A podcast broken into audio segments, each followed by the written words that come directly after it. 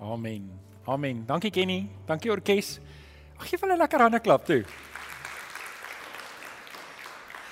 Goeiemôre en baie baie welkom. Ek moet net sê, ek is geweldig bly en dankbaar om julle hier te sien. Baie welkom. Julle is die hardcore Christene, okay. baie welkom. Ehm um, kom ons staan op. Kom ons staan op, maar julle gaan net moet praat vir 4 elk, né? Nee? So staan saam met my op en hou jou Bybel lekker hoog in die lug en uh dan sê jy lekker hard saam met my. Dit is my Bybel. Ek is wat dit sê ek is. Ek het wat dit sê ek het. Ek kan doen wat dit sê ek kan doen. Met my mond bely ek met my hart glo ek dat Jesus die Here is. Amen. Amen. Baie dankie. Jy kan jou Bybel oopmaak by Romeine 10. Romeine 10 en uh, ons gaan 'n paar verse lees vanaf vers 9. Romeine 10 en ons gaan saam lees vanaf vers 9.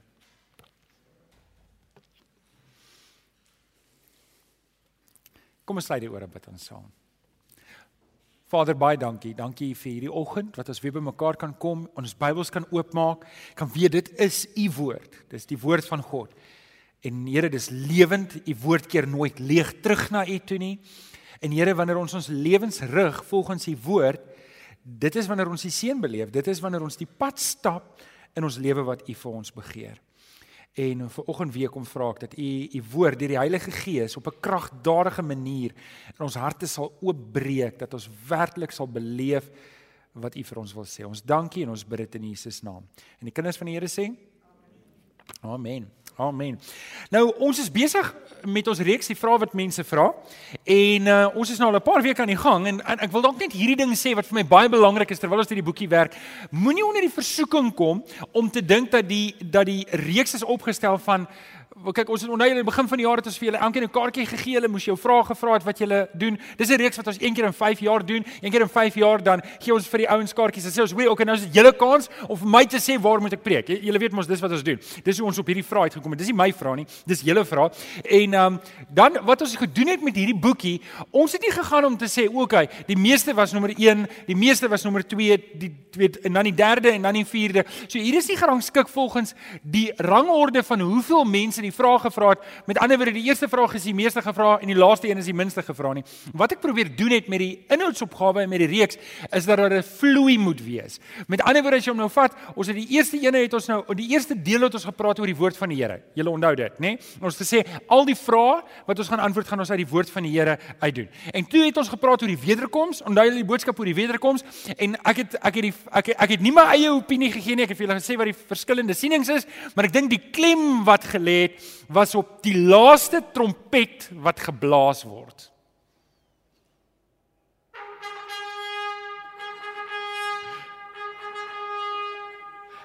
Ek het 'n trompet gekry. Ag gee vir Andrew lekker aan 'n klap toe. Okay, so ons het toe gepraat oor die wederkoms en uh, toe het ek nie 'n trompet gehad nie en toe vind ek uit ons het 'n trompeter, so baie dankie Andre. En uh, toe het ons gepraat oor die hemel en die hel. Nou ek wil net vir julle wys hoe loop die vloei dat wanneer jy die reeks doen dat jy agterkom, o, is dit hoekom hy daar geposisioneer is. So die eerste een het gegaan oor die wederkoms en toe het ons gepraat oor die twee ewige werklikhede, die hemel en die hel. En vandag kom ons by die by die boodskap en dit was dan nou die volgende vraag: Hoe vertel ek my vriende van Jesus? Hoe vertel ek die mense by die werk van Jesus. Hoe hoe kry ek dit reg om sinvolle getuienis te lewer teenoor mense wat verlore gaan? Um dit vloei na die ene van die hel. Want onthou julle laasweek het ek vir julle gesê ons verkondig nie die evangelie van hel nie. Ons gaan nie na die wêreld toe en sê vir hulle o julle doen dit julle gaan hel toe. O julle doen dit julle gaan hel toe. O julle doen dit julle gaan hel toe. Jesus het nooit die evangelie so verkondig nie. Die hel is 'n werklikheid en dit moet vir ons as gelowiges 'n waarskuwing wees dat as ons stil bly as ons nie praat oor die Here Jesus nie dan is ons aandadig aan hierdie mense wat verlore gaan. Ons is aandadig en daarom daarom vir oggend se boodskap het ek 'n dringendheid en ek wil mooi met jou praat en ek wil jou ek hoop jy is uitgedaag soos wat ek uitgedaag is dat dat ek en jy moet verstaan dat ons kan nie stil bly oor die evangelie nie. Ons mag nie stil bly nie. Stem julle saam? Amen. Amen. OK, so. Kom ek kom ek gaan net eers 'n bietjie terug. Kans is goed die meeste van julle wat hier is en as ek nou so kyk, dan lyk dit regtig soos die meeste van julle wat nou hier is, het groot geword in 'n huis waar daar ten minste 'n Bybel was en nou en dan Bybel gelees het. En wie van julle wat soos jy groot geword het, het jou pa Bybel gelees? Sê ek gou op die hande. Jou pa het Bybel gelees en daar was gebid in die huis, okay? Wie van julle het groot geword dat Sondag gaan jy kerk toe? Okay, Sondag gaan jy kerk toe. Toe jy groot geword het, wie van julle sit hier so en sê Sondag toe ek groot geword het, toe was daar nie winkels was nie oop gewees nie. Nê? Nee? 'n paar van julle wat hier sit, se ouers het vir jou gesê jy mag nie swem op 'n Sondag nie. Onthou julle dit? Jy mag nie swem op 'n Sondag nie. En as jy sou vra, "Maar hoekom mag ek nie swem op 'n Sondag nie?" dan sou hulle vir jou gesê het want jy sal verdrink. Jy sal jy kan verdrink op 'n Sondag. Het jy dit geweet? Die feit is jy kan op enige ander dag ook verdrink. Maar pas op om op 'n Sondag te swem want jy daai dag kan jy ook verdrink, okay? En uh so kos is goed dat jy het groot geword. Wie van julle het groot geword en jy het van graad 1 tot 'n groot deel in hoërskool het jy Bybel gehad as 'n vak? Wat ek hoor die bal gedryp het. Ek het regtig, ek kon nie glo nie. En ek het nou Sondag is en en Sondagskool was na kerk gewees en uh, ons was nou nie van die getrouste mense wat kerkbywoning betref het nie. So my sertifikaat wat ek gehad het met al daai seels, onthou nog daai bladsy met al die seels, ek het min seels gehad. Ek het min seels, ek was net te min daar om te kan seels kry. Ek dink ek was die dag as die seels uitgedeel was, was ek ook nie daar nie. Ek het onthou en ek beloof julle dit, ek het eendag 'n boek gekry omdat ek vir 'n maand aan een sonnaarskool toe gegaan het. Toe kry ek 'n boekprys daarvoor. Die onderwyser het my jammer gekry. Um, maar dit was alles voor my bekering. En en, en ek, ek ek wil maar net wys dat meeste van ons het in daai tyd groot geword en het goed nie dramaties verander nie. Rukkie terug was ek op vakansie en uh, toe ek op vakansie was, ons was in Johannesburg, ek dink dit was laas jaar. Toe was ek verstom geweest om op 'n Sondag die bank oop te sien, nie net al die winkels nie, maar selfs die bottelstoer oop te sien.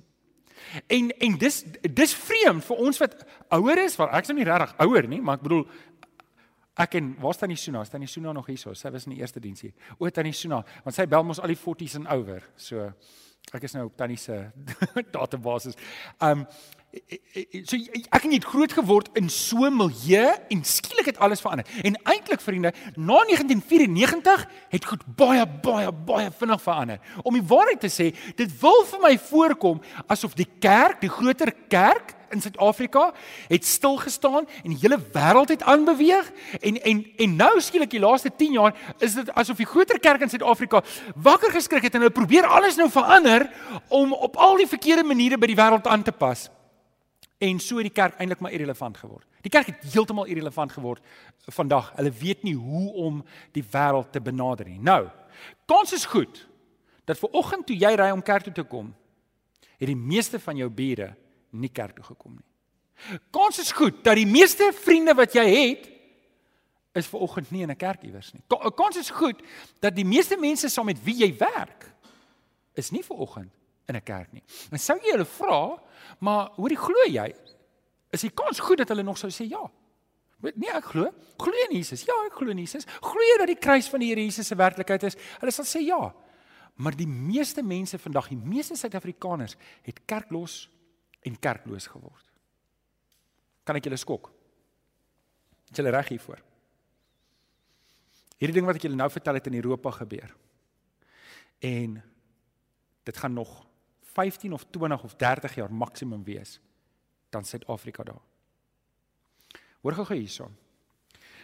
As as as ek my kinders kerk los en kerkloos grootmaak, dan is dit hulle een ges, een geslag weg van om ongelowig te wees. Met ander woorde, Die mense, ons bure, jou vriende en familie, jou broers en susters en jou ooms en tannies, daai mense wat ophou kerk toe gaan het, wat nog steeds sê ons glo in die Here Jesus, ons glo dat hierdie werklik die Bybel is, ja, ons wil net ons gaan net nie meer kerk toe nie. Kerk is net nie meer vir ons nie. Hulle kinders sal van hulle glo van hulle nie glo nie. Maar daai kinders, se kinders gaan nie kerklos of kerkloos groot word nie. Hulle gaan eenvoudig net ongelowig groot word. Hulle gaan dit nie glo nie. Dit vat net een generasie, net een generasie wat kerk los kerkloos vir die volgende generasie om heeltemal ongelowig te wees. En vriende, dis waar ons nou sit. Dis waar ons sit. Ons is op die vooraand van om 'n groot generasie nie kerklos en kerkloses te hê nie, maar ongelowiges te hê. So die vraag wat en wat wat 'n klomp mense gevra het, is baie relevante vraag. Hoe wen ons hierdie generasie vir Jesus? En vriende, Ek dink, ek dink dat die regering en die staat het ons 'n groot guns gedoen deur om godsdiens amper verpligtend te maak. So almal van ons het 'n werkbare kennis van Dawid en Goliat. Ons ken almal Adam en Eva se verhaal. Ons ken almal Gideon en sy bende. Ons weet min of meer van die Ou en die Nuwe Testament. Ons het dalk nie geleer van 'n verhouding met die Here nie, maar daai tyd is verby. Ons sal nie weer terug gaan soontoe nie. Nou is die werk by my en by jou. Die werk is by my en by jou. En vriende, ek het ongelukkig slegte nuus vir julle. En en dit is meeste van my tyd word opgevat deur julle. En ek bedoel ek like julle baie. Ek mind regtig nie dat ek die meeste van my tyd saam met julle moet spandeer nie. Maar ek bedoel tussen berading en, en hospitaalbesoek en kuiers en kursusse en preekvoorbereiding en boeke skryf en allerlei goeders het ek nie vreeslik baie tyd om vriende te gaan maak buite in die wêreld nie. So as as julle van my verwag om dit te doen en ek verwag van julle om dit te doen, raai wat gaan gebeur? niks. Niks gaan gebeur nie. Niemand gaan hoor van die Here nie. En vriende, ek ek hoop dit in vanoggend se boodskap kan ek twee goed doen. Eerstens kan ek 'n dringendheid by jou skep dat ons mense wat werklik verlore gaan daar buite kan, wat nie die Here Jesus ken nie. Ek wil daai dringendheid skep en dan wil ek ook vir jou 'n bietjie toerusting in jou hand sit om jou groot vrymoedigheid te gee om uit te gaan en mense te vertel van Jesus. Is jy reg daarvoor? Alraai. Kom ons lees in ons Bybels. Kom ons lees in ons Bybels. Ehm um, Ons lees in Romeine 10 vers 9 tot 17, baie bekende gedeelte. Meeste van die verse ken julle, maar ek gaan 'n bietjie stil staan op twee of drie verse spesifiek wat ek al aangeraak het, maar ek dink wat dalk nie so bekend vir jou mag wees nie. Romeine 10 vanaf vers 9 sê: Hierdie woord is die boodskap van die geloof en dit is wat ons verkondig. Nou begin hy, vers 9. As jy met jou mond bely dat Jesus die Here is en met jou hart glo dat God hom uit die dood uit opgewek het, sal jy gered word. Klink daai verse bekend? Ja, ons bely dit omtrent elke sonoggend. Met die hart glo ons en ons word vrygespreek en met die mond bely ons en ons word gered. Die skrif sê tog niemand wat in hom glo sal teleurgestel word nie. Niemand nie. Dit maak dus geen verskil of iemand 'n Jood of 'n Griek is nie, want dieselfde Here van almal en hy seën almal wat hom ryklik wat hom aanroep ryklik. En dan vers 13 het ek hier by my gebold. Want elkeen wat die naam van die Here aanroep sal gered word. En nou wil ek hê, nou moet jy gou aandag gee aan die verse want hier op hierdie verse gaan ons stil staan vanaf vers 14. Maar hoe kan 'n mens en ons praat hier van 'n ongelowige. Hoe kan 'n mens hom aanroep as hy as as hy nie in hom glo nie? Of hoe kan jy in hom glo as jy nie van hom gehoor het nie? En hoe kan jy van hom hoor sonder iemand wat preek? En hoe kan iemand preek as hy nie gestuur is nie? Daar staan ook geskrywe hoe wonderlik klink die voetstappe van die wat die goeie boodskap bring. En dan vers 17. Die geloof kom dus deur die prediking wat 'n mens hoor en die prediking wat ons hoor is die verkondiging van Jesus. Dis die verse vir volgende. Ek gaan probeer om dit oop te breek. Ek gaan 5 praktiese goedjies vir jou gee. Daar gaan twee kante wees um, in ons getuienis. Wanneer jy getuig, moet jy verstaan daar's 'n spontane kant Maar daar's ook 'n beplande kant. Daar's 'n spontane kant, daai borrel van Jesus. Nou wil ek net gou eers hierso kyk. Ons is nou so 55 odd mense. Wie van julle sit hierso en sê ek is regtig gered. Ek ken die Here Jesus as my verlosser. Ek dien hom, ek is lief vir hom. Wie steek sy hand op? Ek wil net kyk, wil net kyk, wil net kyk. Wil net kyk wie se hand is nie op nie. Ek moet hom praat na die tyd. OK. So julle hande is op. So jy sit hierso vanoggend en jy sê ek is werklik 'n kind van die Here. Is jy bly jy's gered? Sê amen. Amen. Okay, dit klink asof jy net net bly is, maar dis ook okay. Hou vas aan daai. So, hier's die ding. Ek kan as ek nou so vra in ons kerk, wie sou wie van julle sou dink dat ten minste 50% van die mense in ons gemeente is gered? Ten minste 50%. Okay, die ander maak my nou ernstig bekommerd. OK. Dit dit dit gaan nou begin klink soos 'n skaapveiling, maar moenie worry nie. OK. Wie wie sê 60%? 60%. Dit is 60%. Kom aan julle ouens. 60% is baie laag. Dit is sê dit is 70%, 70%, 70%. Dit is 70%. Daar's een aan vir 70. 80? Enigiemand vir 80? Nou, ek wil hoop en ek wil bid dat dat in ons gemeente ten minste 80% werklik die Here ken. Ek ek wil so bid. Ten minste glo ek dat almal wat in hierdie kerk kom, moes die weg van saligheid gehoor het. Stem julle saam? OK, nou gaan ek gou vir julle statistieke deel. En julle weet meeste statistieke is in elk geval opgemaak, maar hierdie statistiek het ek gekry in 'n boek met die naam A Walk Across the Room.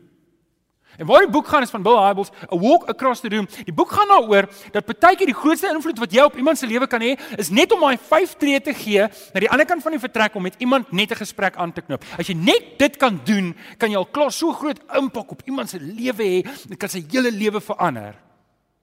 Met ander woorde, jy moet dink nie noodwendig aan ons gaan China toe om evangelisasie werk te doen nie. My sendingveld is dalk net 5 tree weg van waar ek nou staan. OK. Die ding is glo julle of wil julle glo dat ons verkondig die woord suiwer hierso? O, julle maak my nou bekommerd. Sê net asseblief ja. ja. OK, so nou Ek is gered, julle is gered. Ons het 80% geredde mense hier. Ek bring die woord aan julle. Julle is gewillige luisteraars, ek's gewillige preek, prediker. En die probleem is, ek gaan vertel niemand van Jesus daar buite nie en julle doen ook nie. Dan beteken dit per definisie het ons 'n groot wiskundige probleem. Nou julle, ek moet vir julle waarsku, ek is nie goed in wiskunde nie, maar ek weet genoeg van wiskunde om te sien, dis 'n probleem as jy 'n klomp geredde mense in 'n kerk het en jy preek elke Sondag vir hulle die evangelie en dan kom jy nuwe mense by of die kerk gaan nie uit om die mense te red nie. Kan julle sien daar's 'n probleem? Dan beteken dit want want die ou daar buite kan gaan nie hoor nie. Hy is nie hier nie. Hy moet actually hier wees om te hoor. So daar's 'n daar's 'n ding wat moet gebeur. Ons moet gaan. Maak dit sin? En deel van die gaan, jy kan nie op die stoel bly sit terwyl jy gaan nie. Ek het geweet hierdie gaan 'n moeilike boodskap wees. Maar jy kry die punt, nê? Nee. Jy kry die punt. OK, ek gaan vir julle vyf goedjies gee wat vir jou kan help om te kan getuig. Nommer 1. Nommer 1, leef voluit vir die Here. Leef voluit vir die Here. Matteus 5 vers 16 sê: "Laat julle lig so voor die mense skyn dat hulle julle goeie werke kan sien en julle Vader wat in die hemel is verheerlik." Hier is die plek waar ek en jy moet begin. Hier is die plek waar ek moet ek en jy moet begin. Ek moet vir die Here lewe. Ek moet voluit vir die Here lewe. Julle ouens, ek lewe, ek probeer nie heilig leef om julle te beïndruk nie. Ek probeer heilig lewe omdat ek lief is vir die Here. Ek probeer nader in die Here lewe, nie nie omdat ek bang is julle fire my as ek nie mooi predikant lyk like, lyk like nie. Ek ek probeer reg lewe en mooi lewe voor die Here omdat ek lief is vir hom. Wie van julle is lief vir die Here? Want dan per definisie moet jy ook so lewe. Jy moet 'n begeerte hê om om reg te lewe. En dit is wat Jesus hierso sê. Jesus sê ek en jy moet so lewe, ons moet vrug dra van van van van van die van die Here sodat mense God sal verheerlik.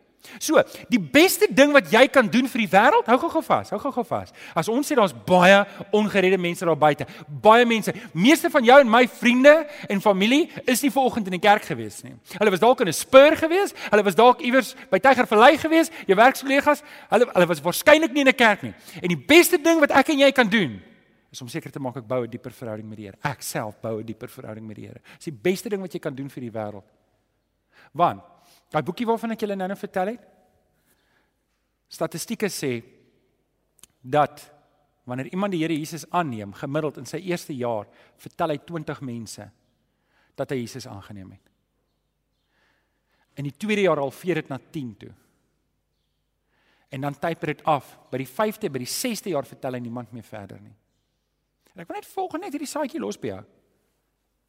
As jy 2019 vat Het jy hierdie jaar iemand vertel van Jesus?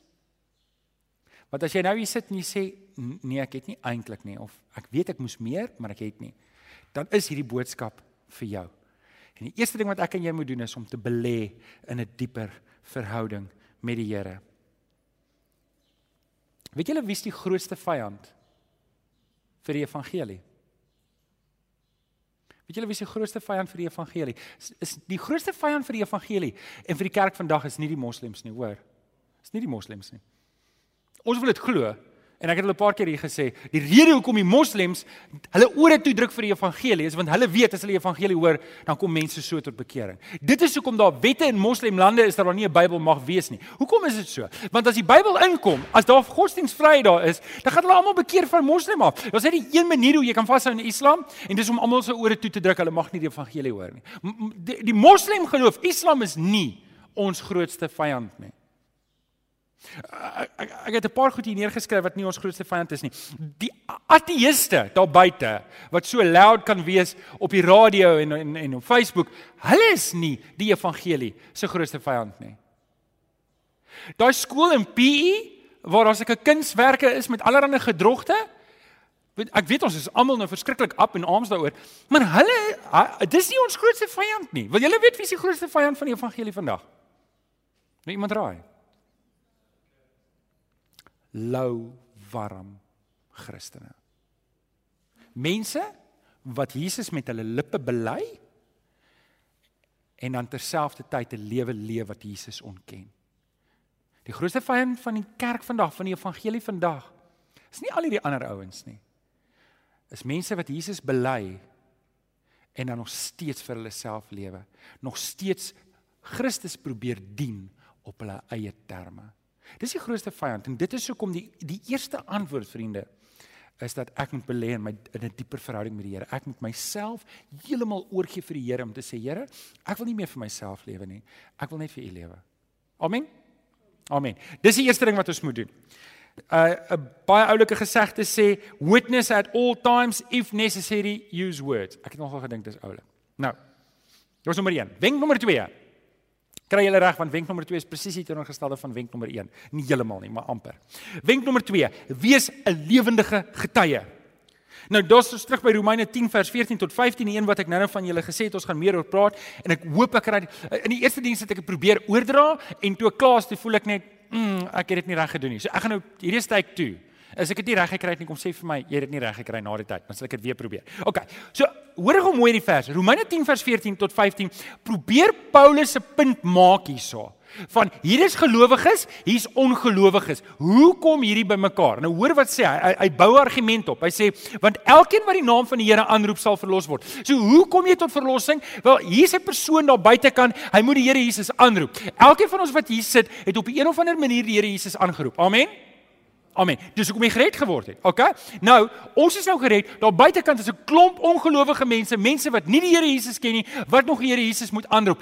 Wat is die proses van daar tot hier? En nou sê nou sê Paulus, want elkeen wat die naam van die Here aanroep, sal verlos word. Vers 14. Maar hoe kan iemand hom aanroep as hy nie in hom glo nie?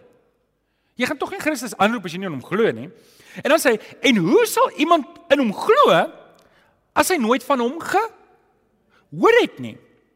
En dan sê hy, en hoe sal iemand van hom hoor sonder dat daar iemand is wat die boodskap bring? So die punt wat hy probeer maak is, is luister, daar's mense aan buitekant. Die enigste manier hoe hulle gered kan word, is hulle moet die Here Jesus aanroep.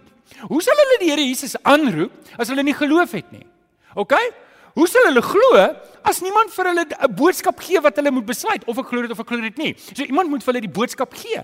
En dan sê, hoe sal iemand vir hulle die boodskap gee as hulle almal sonoggend net op die banke sit in die kerk? Maak dit sin? Het ek dit oorgedra? Is is is, is ek skud net 'n kop of knik 'n kop, wat ek nie weet, het ek dit gemaak of het ek dit nie gemaak nie. OK, 'n paar skud en ander wat nou?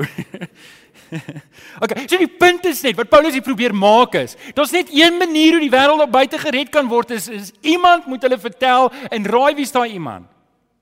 Is ek en jy. Is ek en jy. As ek en jy dit nie doen nie, gaan dit nie gebeur nie.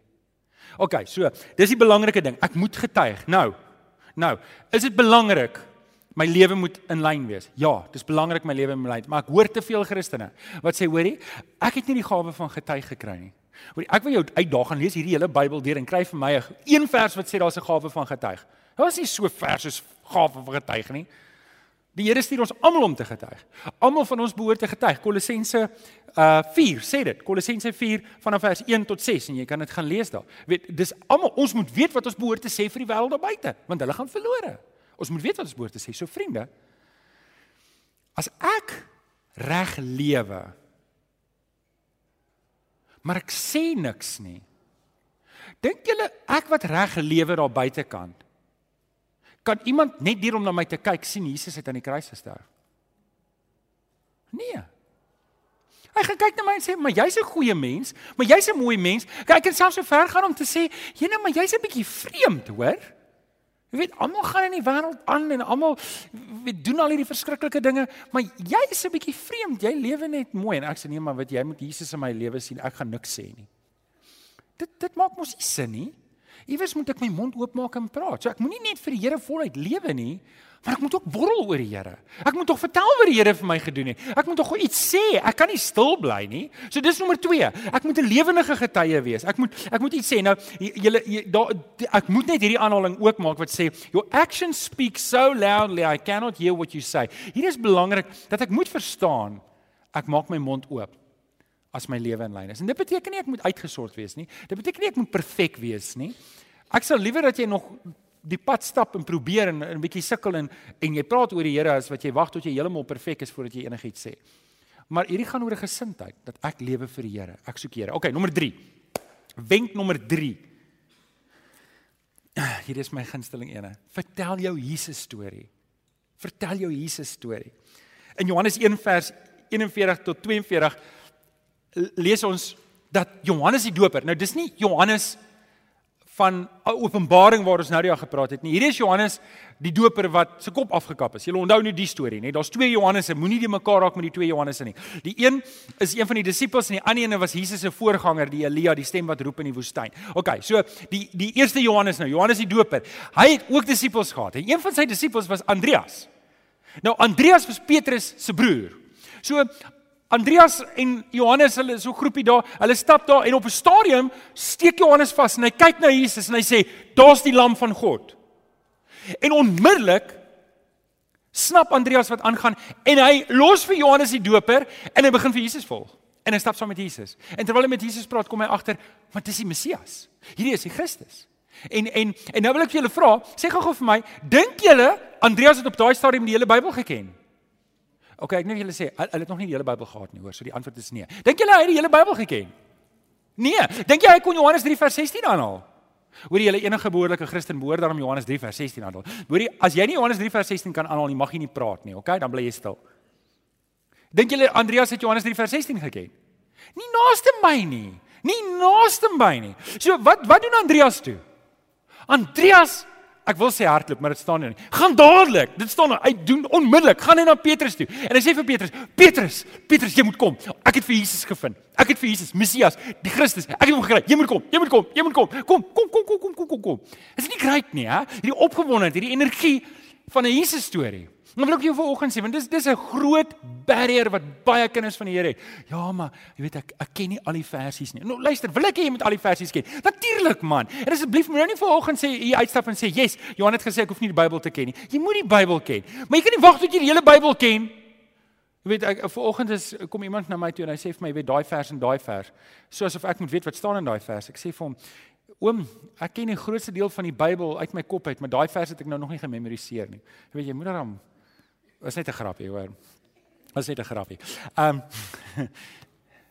Jy hoef nie die hele Bybel te ken nie. Jy hoef nie al die regte antwoorde te ken nie. Jy hoef nie teologies fancy te wees nie. Al wat jy moet is Jesus storie. Nou julle het vir my gesê, wie van julle het die Here Jesus aangeneem? Sê amen. Amen. Okay, so jy het die Jesus storie. Jy het die Jesus storie. Begin daar. Begin daar. As jy die Here Jesus aangeneem het. Ouens, ek kan onthou. Ek onthou nog daar's 'n mooi Engelse woord wat sê vividly om te sê dis helder. Ek kan dit nog goed onthou asof dit gister was, die dag toe die Here my siel gered het. Ek kan dit baie goed onthou. Ek kan onthou ek was verlore. Ek was ek ek ek, ek wil nie sê ek was 'n gemors nie, maar ek was 'n gemors. Ek ek was meer in dit in ek was meer in dit veroorsaak. Dis iets wat ek gekies het nie, dis iets wat oor my gekom het, maar toe die Here my red, Ek glo in die krag van die Here Jesus se kruisdood en opstanding. Wie glo daarin? Ek glo daarin. Nou ons mag nie stil bly nie. Ons kan nie stil bly daaroor nie. Amen. Soos Andreas, weet jy wat? Al het ek nie fancy woorde nie. Al wat ek hoef te sê is ek ek, het 'n Jesus storie. OK. Nou hierdie is hierdie hierdie hierdie is sover spontaan. Hierdie eerste drie is spontaan. Wanneer is nou net gesê daar's spontane verkondiging en beplande verkondiging. Hierdie eerste drie is redelik spontaan. Leef voluit vir die Here, soek die Here, dien hom dieper. Nommer 2, wees 'n lewendige getuie waar jy kom, praat oor die Here en dan nommer 3, vertel jou Jesus storie. Maar die volgende twee is beplan. Is beplande evangelisasie. Is jy reg? Nommer 4, skryf op jou raamwerk. Gebruik alle beskikbare toerusting. Gebruik alle beskikbare toerusting. Paulus sê hierdie interessante verse in 1 Korintiërs 9 vers 22 tot 23. Hy sê vir die swakkes het ek swak geword om die swakkes te wen. Hy sê net voor dit vir die Grieke het ek Griek geword, vir die Romeine het ek Romein, vir die Jode het ek Jood geword. Dan sê in vers 23, um, en dan sê vir almal het ek alles geword in elk geval sodat ek sommiges kan red. Dit alles doen ek ter wille van die evangelie sodat ek kan deel hê aan die vrug daarvan. Nou.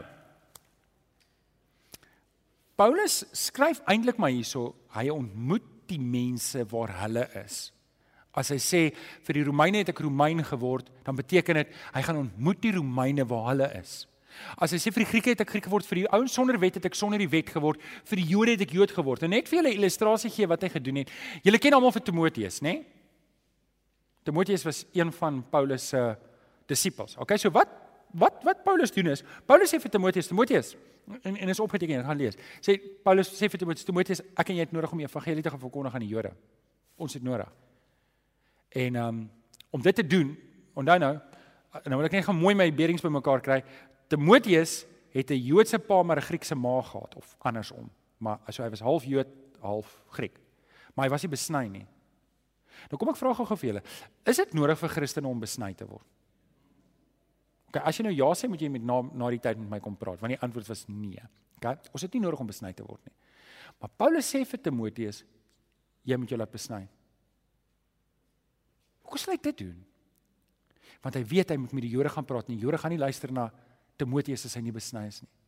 So hy doen hierdie verskriklike groot ding om op die Engelse woord common ground te kom met die Jode. Hoekom doen hy dit? Om hulle te wen. Hy doen hierdie verskriklike ding om hulle te wen vir Jesus. Nou vra ek julle gou-gou, is dit iets wat spontaan gebeur of vat dit beplanning? Spontaan of beplan? Dis beplan. Jy moet dit beplan.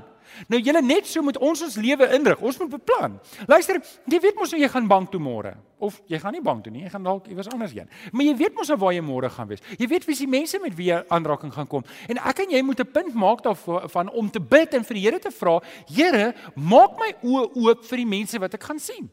Maak my oë. En weet julle, ons as gemeente probeer vir jou toerusting gee wat jy kan gebruik. Onthou nou ouens, Tygerberg Gesinskerk is hierdie lokale gemeente. En wanneer ons goed in plek sit, 'n disipelskap program, ons skryf boekies, ons druk kaartjies, ons maak flyers, dan is dit nie om Tygerberg Gesinskerk te bou. Ooh, julle, ons bou 'n brand name, Tygerberg Gesinskerk. Het julle ons mooi logo gesien? Kyk net ons fancy liggies hier op die voorgeld. Dis nie wat ons doen nie. Ons wil mense by Jesus uitkry. Julle ken ons ons doelwitte. Ons doelwitte is ons bestaan om buitestanders in te trek. Hulle in kontak te bring met ander gelowiges. Hulle uit te daag om hulle um bediening te ontdek en so die Here te eer in hulle lewens. Ons probeer hulle hierdie disipelskap proses kry. Dit gaan nie oor Tygerberg Gesinskerk nie. Dit gaan oor die koninkryk van die Here. Sê asseblief amen toe. Amen, gaan oor die koninkryk van die Here. Nou het ons goed in plek gesit in ons eie gemeente wat vir jou kan help om dit te doen. So daar by die infotafel is daar seker besigheidskaartjies wat sê Tygerberg Gesinskerk met die tye op. En ek sou voorstel dat jy altyd maar 4 of 5 belle by jou het in jou selfoon druk. Bid sodat as jy geleentheid opduik om met iemand te praat en te sê, "Hey, Ons het Sondag gekerk. Weet jy wat het ek gedink ek wil vir julle leer om te doen? As jy jou boekie kry, die eerste ding wat jy doen is is jy gaan kyk na die inhoudsopgawe en jy lees die inhoudsopgawe en sê, "Oké, okay, hier is die temas wat Het julle nog ooit 'n kerk gekry wat die prediking vir jou so voor die uitset? Al die al die hase word uit die hoed uitgehaal. Met ander woorde, daar's geen verrassings. Jy weet van elke preek wat kom, dis so voorspelbaar. Dan moet jy weet hoe moet ek hier uithaal en wys dat jy nie verveeld raak nie. Dis nie maklik nie, hoor. Maar maar hier's wat ek wil hê jy moet doen is skryf lees deur hierdie inhoudsopgawe en dan kyk jy dit en sê, "Ag, okay, hierdie onderwerp. Ek weet daai vriend van my sal hierby kan baat vind." Dan skryf jy hulle name daarbey in die op, opgawe. En dan vir daai Sondag nooi daai vriend, sê, "Hoorie, maar weet ons preek Sondag praat ons daaroor." En daar's 'n bietjie koffie en tee ook vir die tyd. En as jy jou gedraslik vir jou beskuitjie ook gee. En dan nooi hom vir daai onderwerp. Dis 'n manier om mense te nooi. In Amerika waar ons alle opnames maak, het ag, het 'n klomp klomp mense, ek weet nie was verskriklik hoog. Ek kan nie onthou of dit 80% was net het het kerkloos mense gesê wat weer wil terugkom kerk toe, het gesê ek sal gaan as iemand my net wil nooi. As as as iemand my nooi, sal ek gaan. Maar maar omdat niemand my nooi nie, dis te moeilik om net min ouens sal sommer net vreemd by 'n kerk instap. Wie van julle wat hier sit, was deur 'n ander vriend genooi na toe? OK? Wie van julle het net soos 'n alleen hier ingestap en kerk toe begin kom. Wie van julle het alleen hier ingestap? Tannie Sue. Uh Pierre. Wie wie nog? Julle julle ouens, ek julle het nie 'n bang haar nie. M maar dis die punt. So met ander woorde eintlik die res, ek weet nie hoe julle hier gekom nie. Jy was gebore hier. maar die res van julle is genooi deur vriende, nê? Nee? Op 'n manier. Want hoekom? Hoekom is dit belangrik? Want julle het nou self gesien, net aan die seun Peer en sy familie het net hier ingestap. Die res van julle almal was genooi deur iemand op 'n of ander manier. So wat is watter een is die makliker ene? En en dis presies wat hulle agtergekom het. Mense mense wil kerk toe gaan. Hulle het nou hulle lewe het verander, maar hulle wil nie alleen opdaag by 'n kerk nie. So nou wat doen hulle? Hulle wag maar dat iemand hulle nooi. So kans is goed dat as jy iemand nooi, gaan hy kom. Kans is goed. OK. Nou, so dis hierdie manier. Nog 'n manier, ons druk van tyd tot tyd flyertjies. As ons daai flyertjies druk en ons begin 'n reeks, vat daai flyers aan nooi vriende. Sien ouens, wat ek probeer doen is ek probeer ons gedagtes rad om te sê, daar's mense wat werklik verlore is daar buitekant. En dit gaan net erger raak. Die volgende generasie gaan nie kerklos en kerkloos wees nie. Hulle gaan ongelowig wees. Ons praat nou van 20, 30 jaar van nou af. Ons praat nou van teen die tyd wat ek weet nie Chris en sy vrou kinders het. Gaan julle trou? Julle moet nog met my kom praat, okay? Teen die, as hulle eendag kinders het, hulle kinders, daai kinders se maatjies gaan nie kerklos en kerkloos wees nie. Hulle gaan ongelowig wees. Hulle gaan hulle gaan hulle gaan nie weet van Jesus nie. Hulle gaan nie weet van Jesus nie. Dis hoekom ons nou moet begin. Ons moet nou hard werk. Nou vriende, hoekom ek hierdie goed met julle bespreek? Want ek wil hê ek en jy moet sê ek kan nie net niks doen nie. Ek kan nie net niks doen nie. En dalk sit jy ver oggend hier en jy weet jy doen niks nie. Jy, jy sit hier, jy, as ek nou vra steek jou hand op, gaan jou hand moet opsteek, maar jy gaan ek gaan dit nie vra nie, moenie worry nie. OK? Maar jy sit hier so en jy weet, as ek jou vra, wat wat het jy die laaste maand gedoen rakende om mense te wen vir Jesus om die evangelie uit te dra? En jy sê, Johan, ek het niks gedoen nie. Dan wil ek net vir jou praktiese klein goedjies gee wat jy kan doen, maar ek wil vir jou grootte gee. Is dit reg?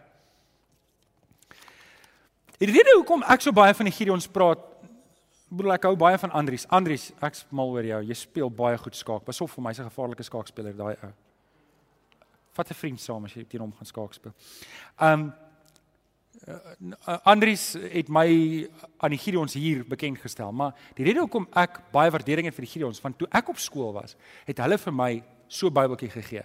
Nou hierdie dink ek is of Corneille of my dogtertjie se Bybel. Hulle het nie hulle naam ingeskryf soos wat die oom Gideon gesê het hulle moet doen nie.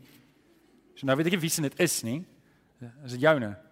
Uh in elk geval, so en dit het so groot indruk op my gemaak dat hier's manne wat Bybels versprei en agterin is die evangelie. As jy hom oopmaak agterin dan dan is die hele weg van saligheid daar. En en julle weet nie hoeveel keer het ek dit gebruik nie want toe ek jong tot geloof gekom het, het ek niks geweet van die evangelie nie, maar ek het geweet om te lees. Ek het geweet om te lees. En ek kon vir 'n ou sê, hoorie, lees net hier, lees hierdie verse. En wat ek gedoen het, is ek het hierdie verse gevat en ek het dit ingeskryf in my Bybel. En hoor hierdie slim ding wat ek gedoen het. Ek sou ek met myself.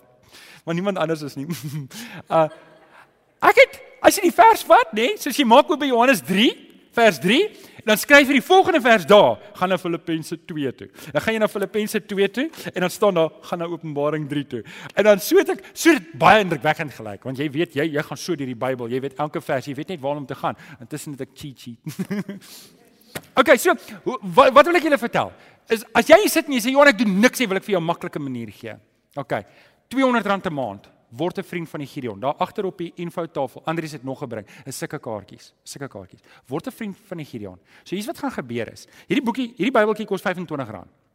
Nou jy kan self die wiskunde doen. As jy R200 betaal, dan sponsor jy 8 Bybeltjies. Verstaan julle? Nou in ruil daarvoor stuur hulle vir jou 3 Bybeltjies 'n kwartaal. So jy kan nou hoor, jy kry nie al die geld se Bybeltjies nie, maar as jy mooi praat met Andries, kan jy by hom Bybeltjies koop want hy's 'n Bybelsmous. Um maar dis nie hier om Bybeltjies nie, dis unlabeled Bybeltjies. Maar maar so wat hulle dan doen is, nie net dra jy by tot by die Gideons nie. Hulle stuur vir jou drie Bybeltjies en dit sit jou in 'n posisie om jou Bybeltjie te gaan gee vir iemand. Maar okay, voordat ek dit sê, voordat ek sê oor jou Bybeltjie, wil ek praat oor die geld wat jy bydra by die Gideons. So hier is 'n belangrike ding wat ek dink mense nie eintlik verstaan nie. As jy geld gee vir die Gideons, Niks van daai geld mag gebruik word vir vliegtuigkaartjies of vir spur hamburgers langs die pad of vir petrolgeld of niks nie. Die hier ons het 'n reël dat as ek en jy geld bydra, al daai geld van rand nommer 1 af moet in 'n Bybeltjie beland. Met ander woorde, elke rand wat jy vir die hier ons gee, weet jy, weet jy van van rand nommer 1 af word 'n Bybeltjie iewers in die wêreld. En dit het ek groot waardering daarvoor. So wat hulle doen is, die Gideons moet hulle eie vliegtuigkaartjies koop. Sê my, kan hom so jammer. Um maar well done. Well done aan die Gideons. Okay, nou gaan jy so 'n Bybeltjie kry. So wat het gebeur is, ek het jou ingeskryf laas jaar en toe die eerste kwartaal toe stuur hulle vir my drie Bybeltjies en dit was aanvanklik baie cool. Ek het dit goed oopgemaak en toe het ek drie Bybeltjies. En ek sit hier die drie Bybeltjies op my lesenaar. En toe stuur hulle vir my nog 'n pakkie met Bybels. En ek dink, "Jomma, hulle stuur vir my nou sommer gereeld. Dit lyk vir my soos elke nou en dan stuur hulle vir my baas." En toe kyk ek die hele kwartaal verbygegaan. Toe het ek nog nie my eerste 3 Bybeltjies uitgedeel nie. Toe het die hele kwartaal verbygegaan en toe het ek 6 Bybeltjies. En toe sê ek vir myself, hierdie Bybeltjies moet ek uitdeel. Dis nie reg dat dit op my lesenaar lê nie. En so dalk ek besig aan en toe kom die derde besending Bybeltjies. Toe het ek 9 Bybeltjies, toe besef ek nou sien ek die moeilikheid. Nou kry ek skaam. Want hoe gaan ek vir julle sê hoe die ouens ons moet werk vir die Here en alles en al die Bybeltjies lê op my lesenaar. En toe wat ek toe doen is, en dis waar Kolossense 4 inkom. Ek gaan bid toe. Ek gaan bid toe en ek sê toe Here, ek het hierdie Bybeltjies. Ek weet nie met wie moet ek praat nie. Sal hierdie mense oor my pad stuur? Julle sal nie glo nie, dis seker 2 weke het ons al 9 Bybeltjies weg. Ek dis ek met 'n probleem. En nou stuur hulle vir my te stadig die Bybeltjies. Ah, is die hele almal te stadig. Hulle moet vir my meer meer gereeld stuur. Wat ek net vir jou probeer sê is, wanneer ek en jy begin bid en ons vra die Here vir 'n geleentheid, is dit nou deur die vriende van die Gideons, is dit nou deur hierdie, vat 'n ekstra boekie. Ek sal hom vir jou betaal. Vat 'n ekstra boekie, gaan gee hom vir 'n vriend en nooi hom kerk toe. En dit bring ons op by die laaste ene. Dit bring ons op by die laaste ene. Nooi, nooi, nooi nooi. Dis nommer 5. Nooi, nooi, nooi. Waar jy kom, nooi. Hoor jy die mooi woorde in Psalm 34 vers 9? Dis Dawid se woorde. En, en en hy sê en eintlik sê dit vir ons want hy skryf dit neer en die die Here het ons geweet, toe die Heilige Gees Dawid geïnspireer het om hierdie woorde te skryf, dat ek en jy vandag hierdie verse gaan lees. En dit sê: "Kom, ondervind en sien self dat die Here goed is. Kom, kyk self Kom kyk self. sien, ek kan jou baie dinge vertel van die Here. Ek kan jou vertel oor hoe wow die Here is en wat hy in my lewe gedoen het en hoe hy my lewe verander het. Maar op einde van die dag moet jy self kom en kom kyk, want uh, Ja, as jy nie self kom kyk nie, gaan jy dit nie sien nie. En en dis hoekom dit belangrik is om te nooi. Jesus het presies dieselfde gesê. In Matteus 11 vers 28 tot 30 staan: "Kom aan, kom na my toe, almal wat uitgeput en oorlaai is, ek sal julle rus gee. Neem my juk op julle en leer van my, want ek is sagmoedig en nederig van hart, en julle sal rus kry vir julle gemoed. My juk is sag en my las is lig." Vriende, daai gedagte van nooi Vat my terug na na een ou toe. Een ou wat my genooi het. Een ou se naam is Renier Pieters, ek het al julle vertel, wat na my toe gekom het en hy het gekom met hierdie eerlike woorde. Nadat hy 3 maande aan my gekarring het, kom hy na my toe en hy sê vir my: "Johan, ek het gister my hart vir die Here gegee. En ek dink jy het dit ook nodig." Julle was hy teologie 100%? Nee, ek dink nie so nie. As ek vir hom gevra het, nee, sê eers my Johannes 3 vers 16, ek wil hoor of jy dit kan sê.